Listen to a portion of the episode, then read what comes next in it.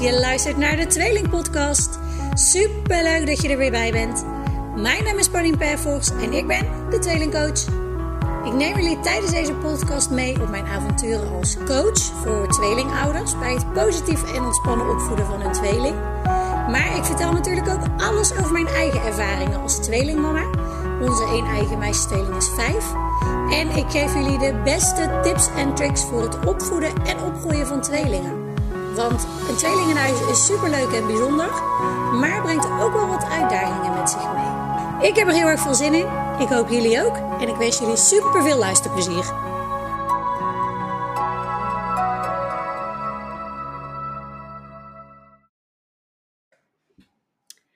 Hey, hey, hallo allemaal. En leuk dat jullie weer luisteren. Ehm, hoe gaat het daar? Ik ben heel erg benieuwd. Hoe gaat het met je? Hoe, hoe gaat de vakantie? Gaat alles goed? Uh, nou, wij zijn inmiddels uh, in week drie van de zomervakantie en ik vind het zo onwijs snel gaan. Um, de meiden die hadden het toevallig gisteren met, met oma daarover, met mijn moeder, dat um, het, het niet zozeer voelt als vakantie, maar dat het meer voelt als vrije dagen van school. En nou, ik kan me daar helemaal in vinden. Uh, want ik en, uh, en mijn man zijn natuurlijk gewoon nog aan het werk. Uh, in ieder geval wel wat minder, maar ja, we zijn nog wel aan het werk. Ze hebben ook gewoon nog dagen met opa en oma. dat ze eigenlijk hè, naar de oppas gaan. En um, ja, weet je, het is heel fijn om eigen baas te zijn en om inderdaad flexibel te zijn in je, in je dagen en in je uren. Maar ik kan, en nou ja, ik wil zeggen heel stiekem, maar ik is helemaal niet stiekem. Ik kan, maar ik wil ook niet zes weken helemaal stil liggen met de tweelingcoach. Ik vind het er te leuk voor. Um, uh, ik, ik wil ook blijven, blijven helpen. Uh, ik wil gewoon niet stil liggen. Ik wil ook niet dat, dat de um, gezinnen, de ouders die ik aan het coachen ben, dat die stil komen te liggen. Weet je, dus ik wil ook door. En ik wil ook met, met mijn, met mijn uh, cliënten door. Dus, um, nou ja, ik kan me wel vinden in wat zij zei over het voelt nog niet echt als vakantie.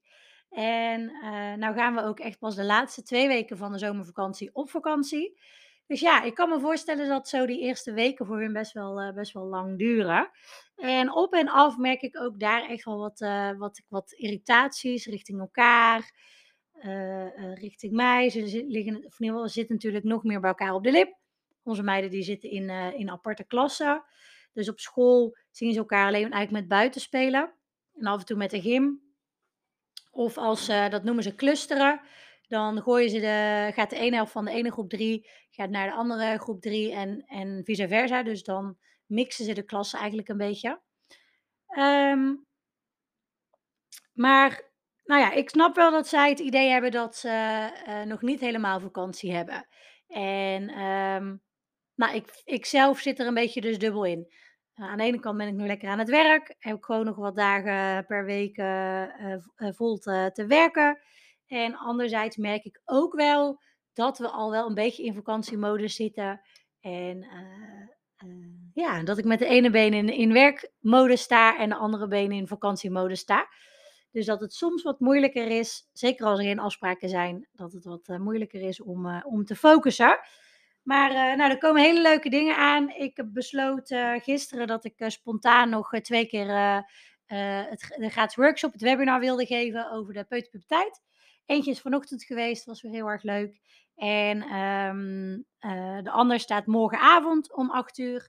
Dus mocht je je daar nog voor willen aanmelden, dat kan uiteraard nog. Ik zal de link even in de omschrijving hier zetten. en anders check even mijn website, detweelingcoach.nl in het uh, menu heb je een kopje gratis en daar kan je naar de workshop en kan je je aanmelden. Uh, de workshop over de peuterpuberteit dus. Morgenavond 8 uur. Uh, ik heb er wat vernieuwd, ik heb er wat aangepast. er staat wat nieuwe informatie in. En um, nou, ik ga het er meteen maar bij zeggen. als je meedoet, ga ik je een echt een onwijs tof, waardevol aanbod doen over de, voor de online cursus. relaxed, of in ieder geval ontspannen en positief de peuterpuberteit door. Um, dus die pik je dan ook mooi mee.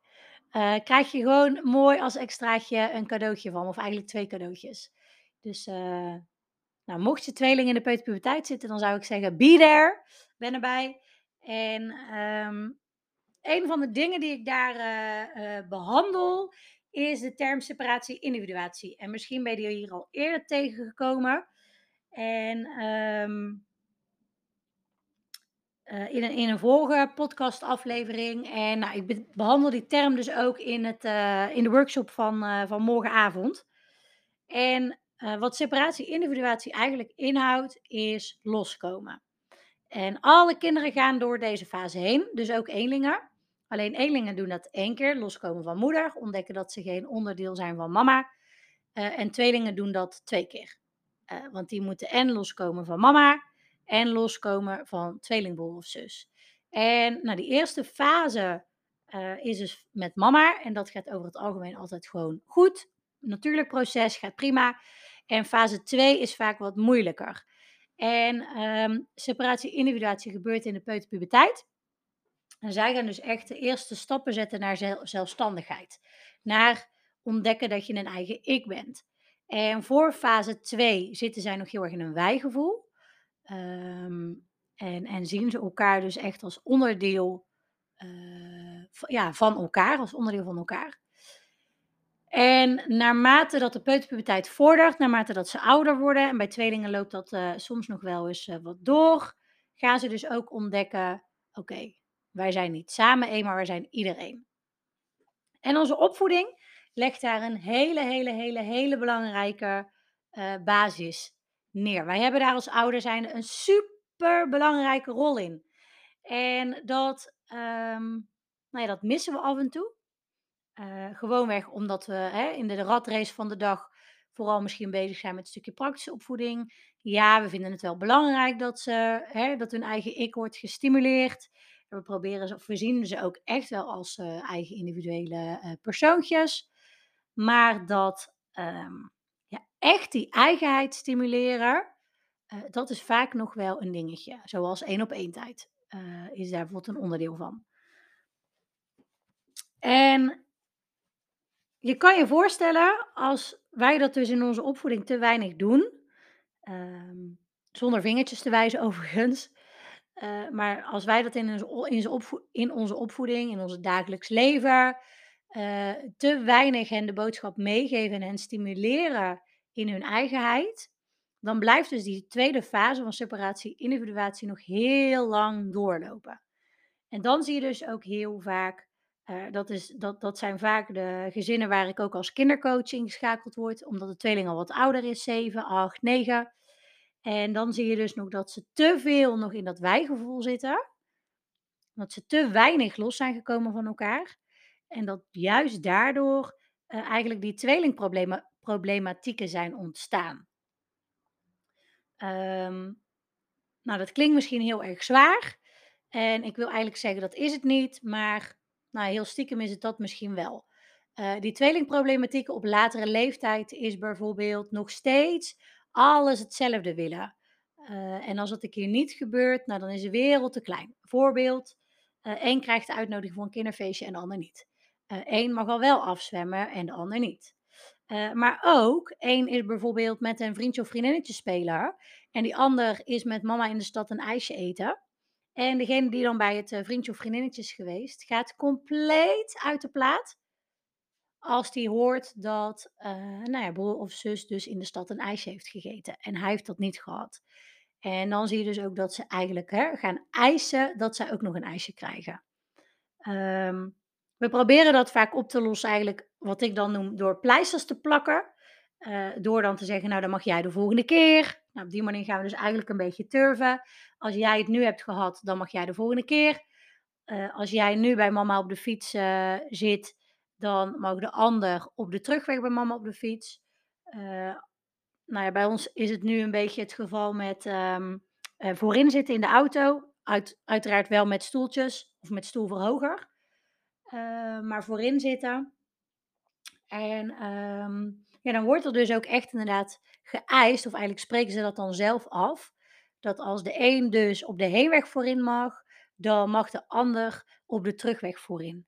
En um, nou, daar proberen we dan wel een beetje mee te gaan, maar ik probeer het ook wel eens een beetje te soort van te triggeren eh, en, en te kijken hoe het loopt. Weet je? Eh, ehm, want misschien, en dat gebeurt ook nog wel eens, kan er wel op de heenweg iemand voorin zitten, maar op de terugweg niet, om bijvoorbeeld, omdat bijvoorbeeld papa eh, ook in de auto zit en ook voorin eh, eh, zit. Of, nou. Even een slokje, want ik heb een droge mond. Het is warm. Dus het is heel belangrijk dat je op hele jonge leeftijd je kinderen al gaat ondersteunen en gaat stimuleren bij het loskomen van elkaar en bij het ontwikkelen van hun ik-gevoel.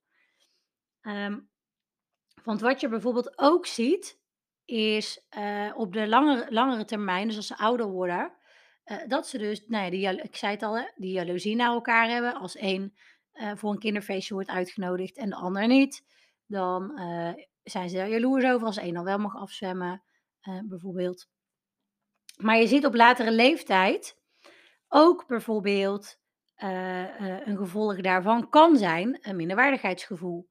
Als jij al mag afzwemmen en ik nog niet, ben jij dus beter dan ik. Uh, als jij bent uitgenodigd voor een kinderfeestje en ik niet, dan, hè, terwijl we gewend zijn dat we altijd alles hetzelfde krijgen, uh, ben ik dan minder leuk. Uh, maar ook een stukje onzekerheid zonder elkaar. Um, je moet het eigenlijk zo zien. Je hebt drie soorten tweelingrelaties. Het, de eerste is uh, dat ze zo close zijn met elkaar. Dat ze echt alles samen doen, maar dat ze dus ook onzeker zijn zonder elkaar. Uh, een bepaalde veiligheid missen zonder elkaar. dat zie je nog wel eens bij ehm, tweelingen die naar de basisschool gaan. Die dus net naar de basisschool gaan. Um, wat zie je nog meer gebeuren als ze dus stuk close zijn? Dat ze de keuzes afstemmen op de keuze van de ander. Dus dan wordt eigen keuzes maken ook een stuk moeilijker. Uh, bijvoorbeeld, eentje wil op ballet, de ander wil eigenlijk op voetbal. Maar doordat ze dus niet zonder elkaar kunnen, doordat die eigen ik, die eigenheid niet voldoende is gestimuleerd en ze nog te veel in dat wijgevoel zitten, um, zegt dan die ene, nou ja, dan ga ik ook maar op ballet, uh, omdat mijn broer of zus op ballet gaat. En uh, weet je, we zijn gewend dat we altijd alles hetzelfde doen. Uh, ik ben afhankelijk van haar. Hoe moeten we dat zonder elkaar dan doen? Wie ben ik? Wie ben ik? Wie ben ik zonder haar of hem? Dus dan ga ik dat ook maar doen. Nou, op die manier, en vaak zijn dit de relaties waarbij we eigenlijk, hè, uh, waarbij je echt kan benadrukken dat het een tweeling is. Alleen, nou ja, in dit geval heb ik het dus over hobby's en sporten. Waarbij, dat, dus, waarbij dat dus keuzes beïnvloed worden. Uh, maar kijken we nog verder de toekomst in, hè, kijken we nog verder die glazen bol in, hoe ga jij dan, als je zo gewend bent dat je altijd hetzelfde pad volgt, hoe ga je het dan doen als je een studiekeuze moet gaan maken? Hè, want oké, sporten, prima, dat, dat is nog wel te doen. En op een gegeven moment zal je, zal je vast merken dat die ene toch wat minder leuk vindt. En nou ja, hopelijk ervaart hij dan zelf dat hij misschien toch beter op voetbal kan gaan. En kan je dus stimuleren als in, nou, ga het dan een keer proberen. Maar stel dat zij echt inderdaad hun gehele leven, voor zover het mogelijk is, hetzelfde pad volgen. Hetzelfde krijgen, hetzelfde ervaren, hetzelfde meemaken, dezelfde keuzes maken. Want nou ja, die keuzes die, die die keuze wordt dus beïnvloed door de ander. En één wil iets gaan studeren en wil bijvoorbeeld, hè, of moet op kamers omdat het in, uh, aan de andere kant van Nederland is. En die ander denkt, shit, maar ik wil dat eigenlijk helemaal niet gaan studeren. En dan wordt het in één keer, of ik wil nog helemaal niet op kamers. Weet je, ik vind het eigenlijk nog best wel fijn om bij mijn ouders te wonen. Um, dan krijg je dus in één keer dat die, die ontzettend hechte band en eigenlijk een soort van ongezonde afhankelijkheid van elkaar, waar dat het op jonge leeftijd nog om kleine dingen gaat, zoals een, een sport of een hobby, gaat het op latere leeftijd in één keer over studiekeuzes, werk, waar ga je wonen, maar ook het aangaan van andere relaties wordt een heel stuk moeilijker als je zo afhankelijk bent van tweelingbroer of zus. Vaak zie je dan in, in, in, in, deze, in deze setting dat de tweeling het geluk van de ander ook eigenlijk belangrijker vindt dan het eigen geluk. En dat zij zulke sterke hechtingspersonen van elkaar zijn, dat ze zich verantwoordelijk voelen voor het geluk van de ander. En dan gaat dus het geluk van de ander ten koste van je eigen geluk. En van het maken van je eigen keuzes. En van het bewandelen van je eigen pad. Nou, en ik denk dat we dat allemaal niet willen voor onze tweeling. Maar het kan dus ook andersom zijn. Het kan dus ook zo zijn, en dat is, dat is de tweede uh, tweelingrelatie, om het even zo te noemen. Die eerste was dus uh, ongezonde afhankelijkheid. Hè? Dat ze echt nou ja, niet zonder elkaar kunnen, alles samen doen. Alles moet hetzelfde, alles moet eerlijk. De tweede relatie is eigenlijk het tegenovergestelde daarvan. Niks samen willen. Echt absoluut niet willen benadrukken dat je een tweeling bent. Al helemaal niet gezien worden als de tweeling. En stel dat ze dus alle twee op ballet willen, dan zal er dus eentje voor iets anders kiezen. Want ik ga never, nooit, niet samen met mijn zus of broer op ballet. En ook daarin worden dus keuzes te veel in negatieve zin beïnvloed door uh, tweelingbroer of zus. En dan heb je dus ook nog steeds die ongezonde afhankelijkheid, alleen dan andersom. Ben je eigenlijk te onafhankelijk van elkaar. Want je kiest het tegenovergestelde van wat je tweelingbroer of zus kiest. Je ziet in dit geval ook heel vaak een soort concurrentie. Allebei haantje de voorste willen zijn, uh, allebei het beste willen zijn. En uh, in deze tweelingrelaties zie je heel vaak echt extreem vergelijken. Um,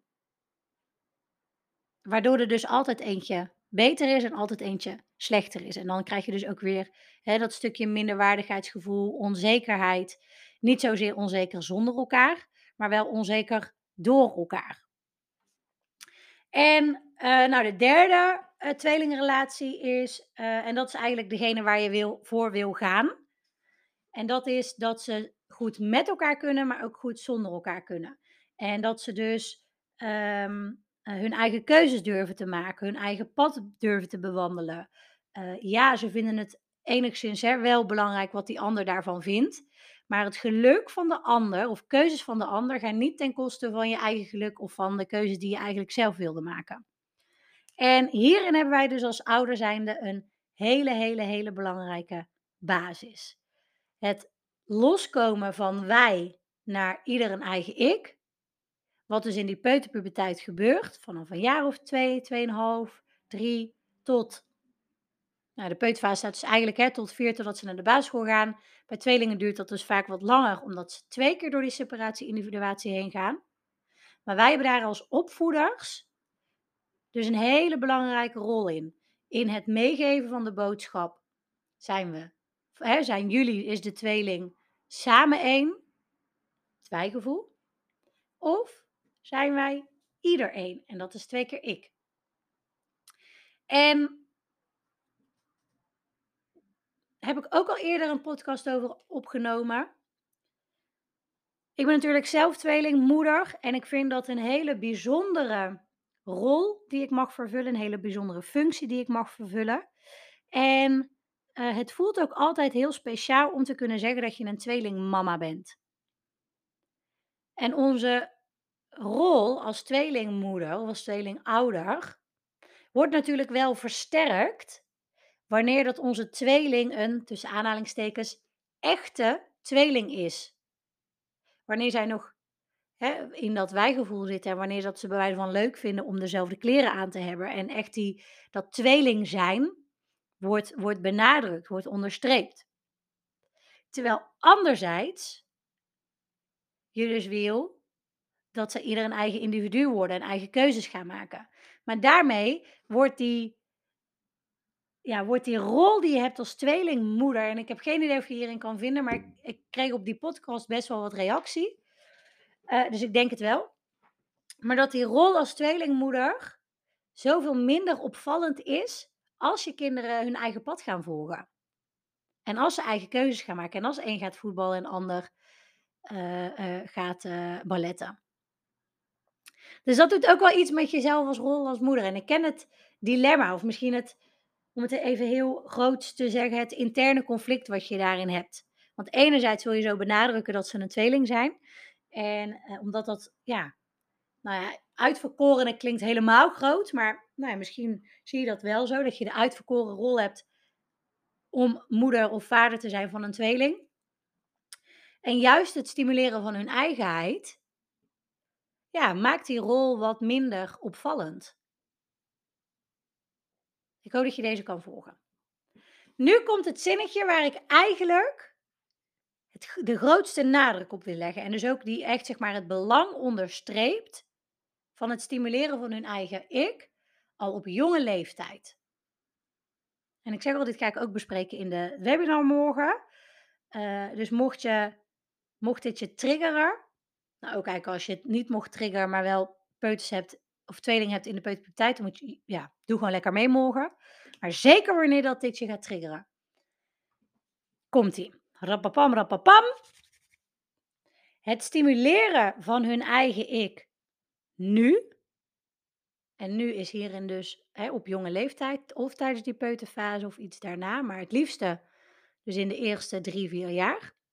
Het stimuleren van hun eigen ik nu, van hun eigenheid nu, dat stimuleren in je opvoeding. En nu de boodschap meegeven. Jullie zijn ieder één. En daar ook echt acties op uitvoeren. Want het zeggen en iets jezelf voornemen en de acties uitvoeren is natuurlijk weer een tweede. Het stimuleren van hun eigenheid nu zorgt voor minder tweelingproblematiek later. Ik ga hem nog één keer zeggen, want ik had wat, wat eh, side notes. Het stimuleren van hun eigen ik nu zorgt voor minder tweelingproblematiek later. En dat tweelingproblematiek, dat is dus inderdaad wat ik zei, de jaloezie, concurrentiestrijd, onzeker zijn zonder elkaar, ongezonde afhankelijkheid, zowel als in alles samen willen doen of juist niks samen willen doen. Alles moet hetzelfde en eerlijk en als dat niet gebeurt, nou dan is de wereld te klein. Denk aan kinderfeestjes, denk aan uh, uh, uh, afzwemmen. Maar dus ook op latere leeftijd. Weet je, het is niet alleen maar, je doet je opvoeding niet alleen maar voor de eerste, nou ja, 14, 15, 18, 12 jaar. Maar de basis die jullie nu al leggen en hoe jonger je daarmee begint met het stimuleren van die eigenheid, dat voorkomt dat ze een ongezonde afhankelijkheid van elkaar gaan hebben. En dat ze dus te veel op negatieve wijze worden beïnvloed door elkaar, waardoor het bewandelen van je eigen pad en het maken van eigen keuzes wordt bemoeilijkt. En het maakt het zoveel meer makkelijk voor onze kinderen als wij hun op jonge leeftijd stimuleren bij die eigen ik, bij die eigen keuzes, bij het bewandelen van je eigen pad. En hoe dat je dat dan precies doet, nou ja, dan zou ik dus echt zeggen, doe morgen lekker mee met het webinar. Uh, uh, en, en, meld je naar aanleiding daarvan aan voor, uh, toch nog een stukje reclame. Meld je daarna aan voor, voor de online cursus over de peuterpuberteit bij tweelingen. Want daarbij ga je echt kijken naar, oké, hoe gaan we die basis neerleggen waarbij we hun eigenheid stimuleren? Hoe kunnen we omgaan met dat peutergedrag? Hoe kunnen we ervoor voor zorgen dat er minder strijd is? Hoe kunnen we ervoor zorgen dat zij inderdaad een gezonde afhankelijkheid van elkaar hebben? Waarbij dat ze echt beseffen, oké, wij zijn ieder één. En ja, tweeling zijn hoort bij onze identiteit. Maar wij mogen ook ons eigen pad volgen. Wij mogen ieder ons eigen pad volgen.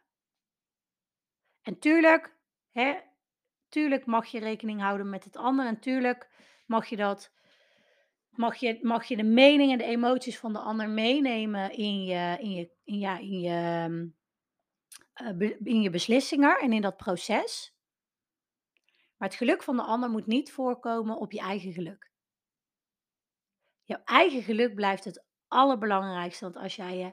Dat klinkt altijd heel egoïstisch, maar dat is het dus helemaal niet. Want als jij voor je eigen geluk gaat, en eigenlijk geldt dat voor iedereen, dus ook voor jou als jij nu luistert. Het gaan voor je eigen geluk zorgt dat je een veel fijner persoon bent.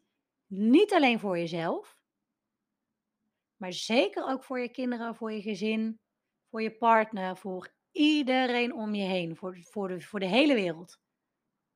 Door te gaan voor jouw eigen geluk maak je de wereld echt een stukje mooier. Dat is mijn waarheid. Want je hebt meer energie, je staat positiever in het leven, je staat relaxter in het leven. Je weet wie jij bent, waar je goed in bent, hoe je anderen kan helpen, hoe dat je de wereld kan helpen, maar vooral hoe dat je dus jezelf kan helpen. En dat is niet egoïstisch. Oké. Ik ga hem nog één keer zeggen en dan ga ik hem afsluiten, want anders ga ik ontzettend afdwalen. Ik kan blijven uh, praten natuurlijk. Ik ga hem nog één keer zeggen. Het stimuleren van hun eigen ik nu zorgt voor minder tweelingproblematiek later. Dus het stimuleren van hun eigen ik nu zorgt ervoor dat zij lekkerder in hun vel zitten, beter weten wie ze zijn, wat ze leuk vinden, wat hun voorkeuren zijn, wat hun afkeuren zijn. Dat ze op hun eigen tempo mogen ontwikkelen. Dat ze op hun eigen tempo hun eigen pad mogen bewandelen. En doordat zij zo, zo in dat eigen ik zitten en zo in dat ik-gevoel zitten, wordt het zoveel makkelijker om je eigen weg te bewandelen en daarmee inderdaad eigenlijk op te groeien nou ja, tot de persoon die jij bent van binnen, vanuit de kern. En om dus gelukkig te zijn. En ik denk dat we dat allemaal willen voor onze kinderen. Dat zij gelukkig opgroeien tot de personen die zij vanuit de kern zijn. Tot personen waar ze blij van worden. Die positief in het leven staat. Die zin heeft in het leven, die ervan geniet. En dat begint dus echt nu al. Niet morgen, maar nu. Wat wel morgen is, is dus het webinar. Die heb ik al een paar keer benoemd. Dus meld je nog even aan. De link staat hier in de, in de opmerkingen. Helemaal gratis webinar over de peuterpuberteit. Waarbij ik je dus een heel mooi aanbod doe, inclusief bonussen voor de online cursus uh, over de peuterpuberteit bij tweelingen. Waarbij dit je gewoon gaat voor meer ontspanning, meer plezier, meer genieten van jouw peuters. En uh, dus helpen bij het uh, ja, stimuleren van die eigen ik, die zo belangrijk is. Oké. Nou, ik hoop uh, dat je hem waardevol hebt gevonden. Zo ja, deel het met mij, maar deel het ook zeker met andere tweelingouders. Um, en laat me weten hoe je hem vond. Maar laat me ook zeker weten of je bepaalde onderwerpen, vragen, fases uh, hebt die je graag wil horen in de tweelingpodcast. Want dan nou, pak je die er misschien wel de volgende keer bij. Ik hoop je morgen te zien bij het webinar. En um, nou, dat. Ik hoop je morgen te zien. Doei!